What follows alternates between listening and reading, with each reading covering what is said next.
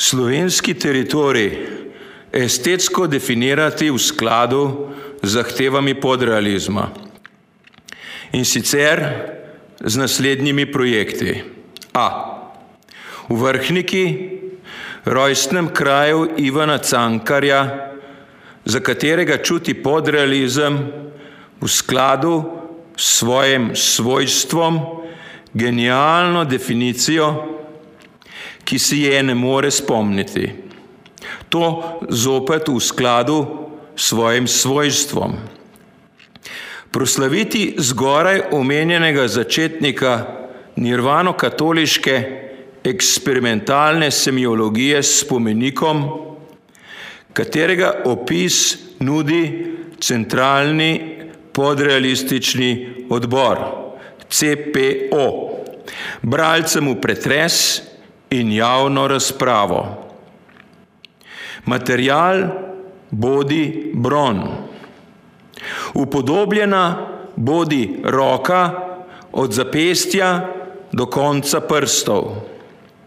Roka bodi močno povečana, tako da naj od zapestja do konca prstov meri približno sedem metrov.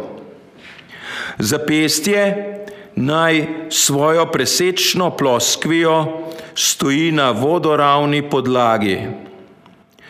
Roka naj stoji navpično, tako da naj bodo prsti najviše nad zemljo, približno sedem metrov nad zemljo. Roka bodi po svojem zunanjem videzu čim bolj podobna roki, zgoraj omenjenega nirvano-katoliškega eksperimentalnega semiologa. Prsti bodite ukrivljeni, zlasti palec in kazalec, ki naj za ročaj držita skodelico, katere premer bodi približno tri metre. Skodelica bodi narahlo nagnjena, njenega roba pa naj se dotika zgornja ustnica in z njo pokrivajoči brki, ki naj bosta čim bolj podobna nirvano-katoliškemu eksperimentalnemu sociologu. Brki naj v skladu z razmerji statue, ki bodi nujno ulita iz enega samega kosa brona, merijo od enega konca do drugega približno pet metrov. Razen zgornje ustnice in njo pokrivajočih brkov, naj ne bo upodobljen noben drug del cankarjevega obraza. Z mesta, kjer se ustnica začne dotikati roba skodelice, naj v drobno bronasto kotanjo, stoječo na tleh, teče curek vode, ki bodi rjavo obarvana, tako da naj čim bolj spominja na kavo. Na vznožju roke bodi z ličnimi črkami izpisan citat iz čudovite nirvano-katoliške eksperimentalno-sociološke novele.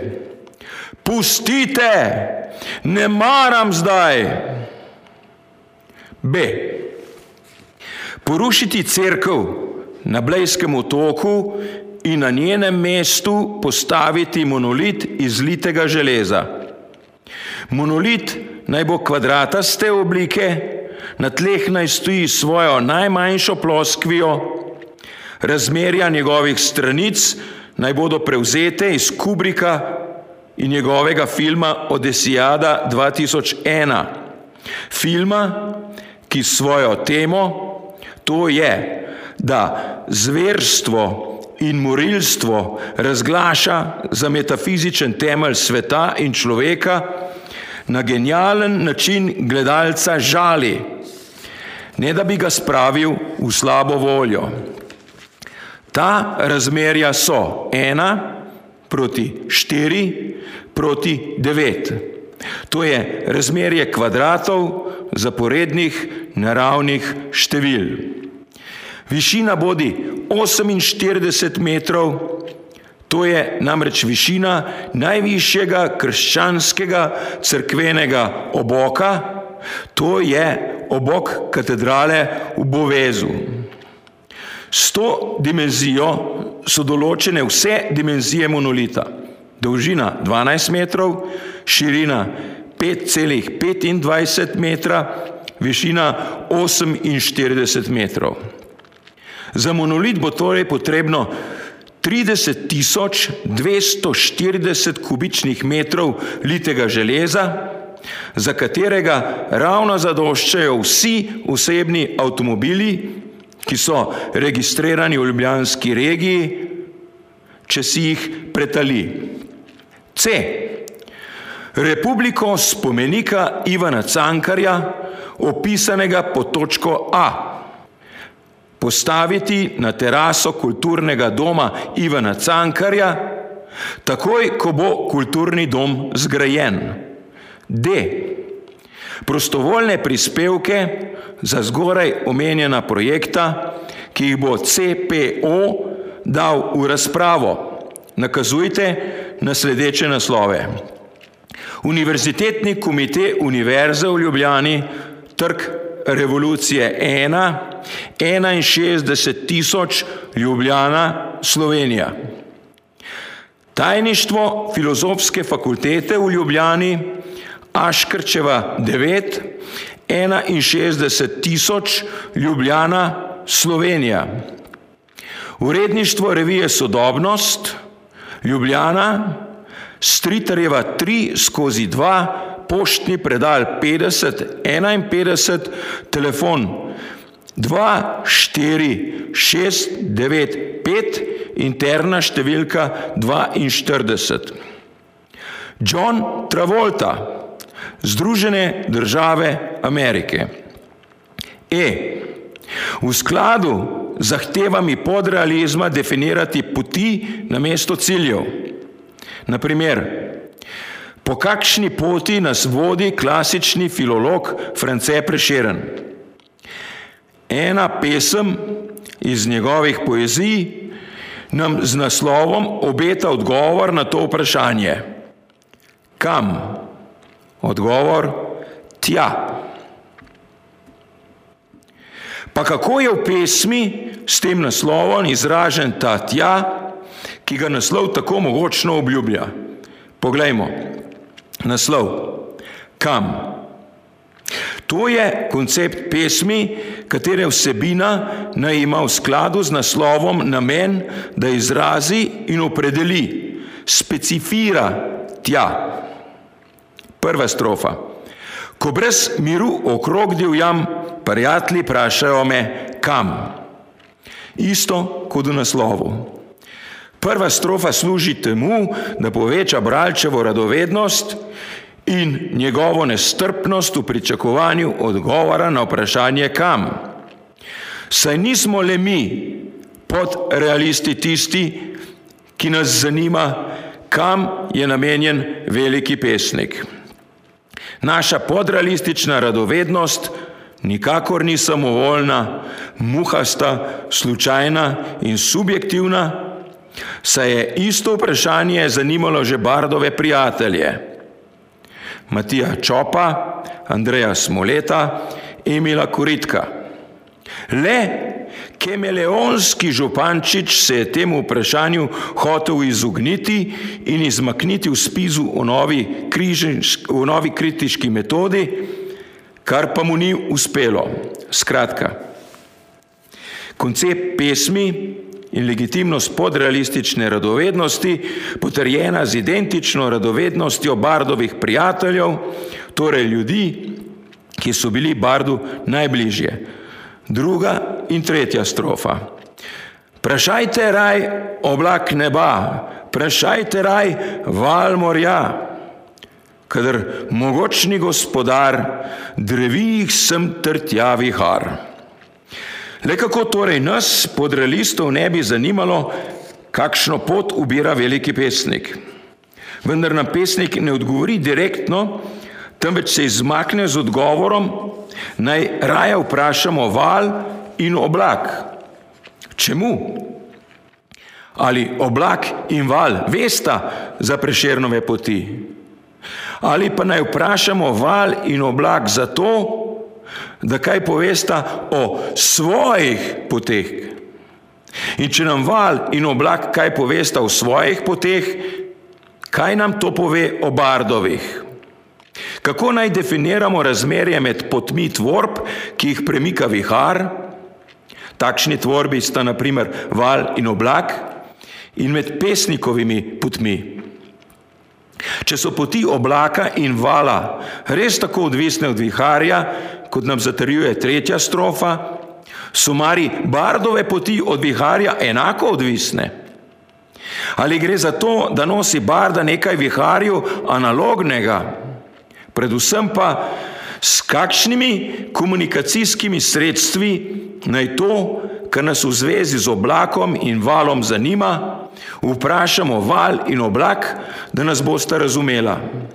In če nas boste razumela, v kakšnem jeziku nam boste odgovorila.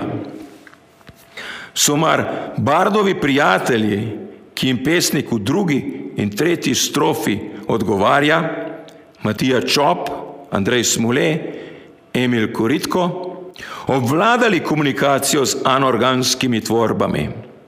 In še bi lahko postavljali vprašanja in še in še. A Bart na vsa ta vprašanja odgovori z mogočnim odgovorom, ki ga po veličastnosti lahko primerjamo samo z Jehovovo stvariteljsko kretno ali pa z udarcem Mojzesa, ki žene vodo iz puščavske skale. Oblak ne ve in val ne kam. In vse naše pričakovanje, da bomo izvedeli kak odgovor na vprašanje, vsa naša želja po potešitvi radovednosti s pesmijo, legitimizirana želja se sesuje v prah. V prah se sesuje kot milni mehurček ali kot izpodjedena sipina. Ne, ne, ne, ne, to ni dobra primerjava.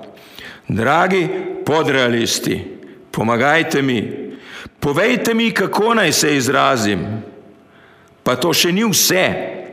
V naslednjem verzu nas čaka še hujši sok. Kam ne se me obup, ne znam. Tako torej, ništa.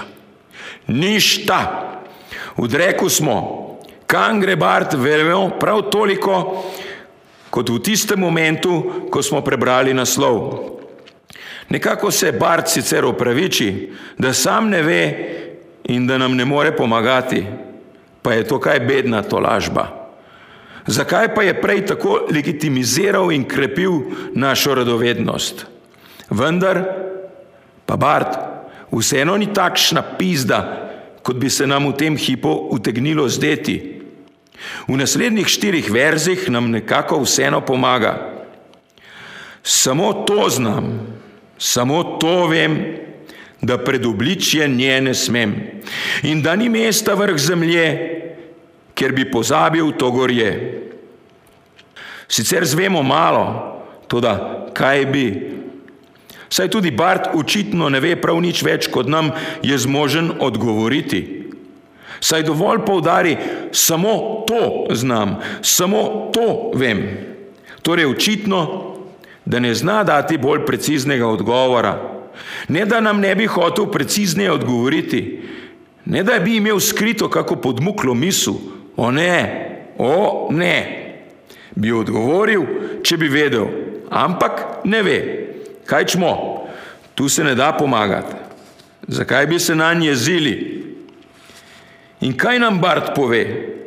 Glede na to, da do konca četrte strofe nismo še dobili absolutno nobenega tja, na vprašanje kam, je to, kar nam Bart odgovori, edina izpolnitev koncepta pesmi, edini odgovor na vprašanje, zastavljeno v naslovu.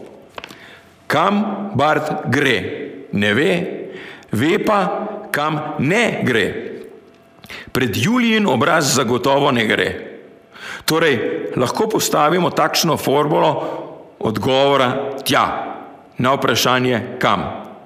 Ves svet minus Julijin obraz. Torej, vsaj glede ene stvari smo lahko sigurni. K Juliji ne bo šel. Pa smo lahko vsaj glede tega sigurni, če nas je prej tako vlekel za nos, da nam je svetoval, da iščemo odgovora na to vprašanje pri valu in oblaku, čeprav je že vnaprej vedel, da pri njiju ne bomo mogli dobiti odgovora. Da ne bo pesnik tako vihrav in nestalen, kot se nam predstavi v prvem verzu, pozabil na dejstvo, da ne sme k Juliji in da se ne bo kar na lepem pojavil v Julini spalnici. Pa tudi glede tega strahu in suma nas Bart pomeri. Ni ga mesta vrh zemlje, kjer bi pozabil to gorje.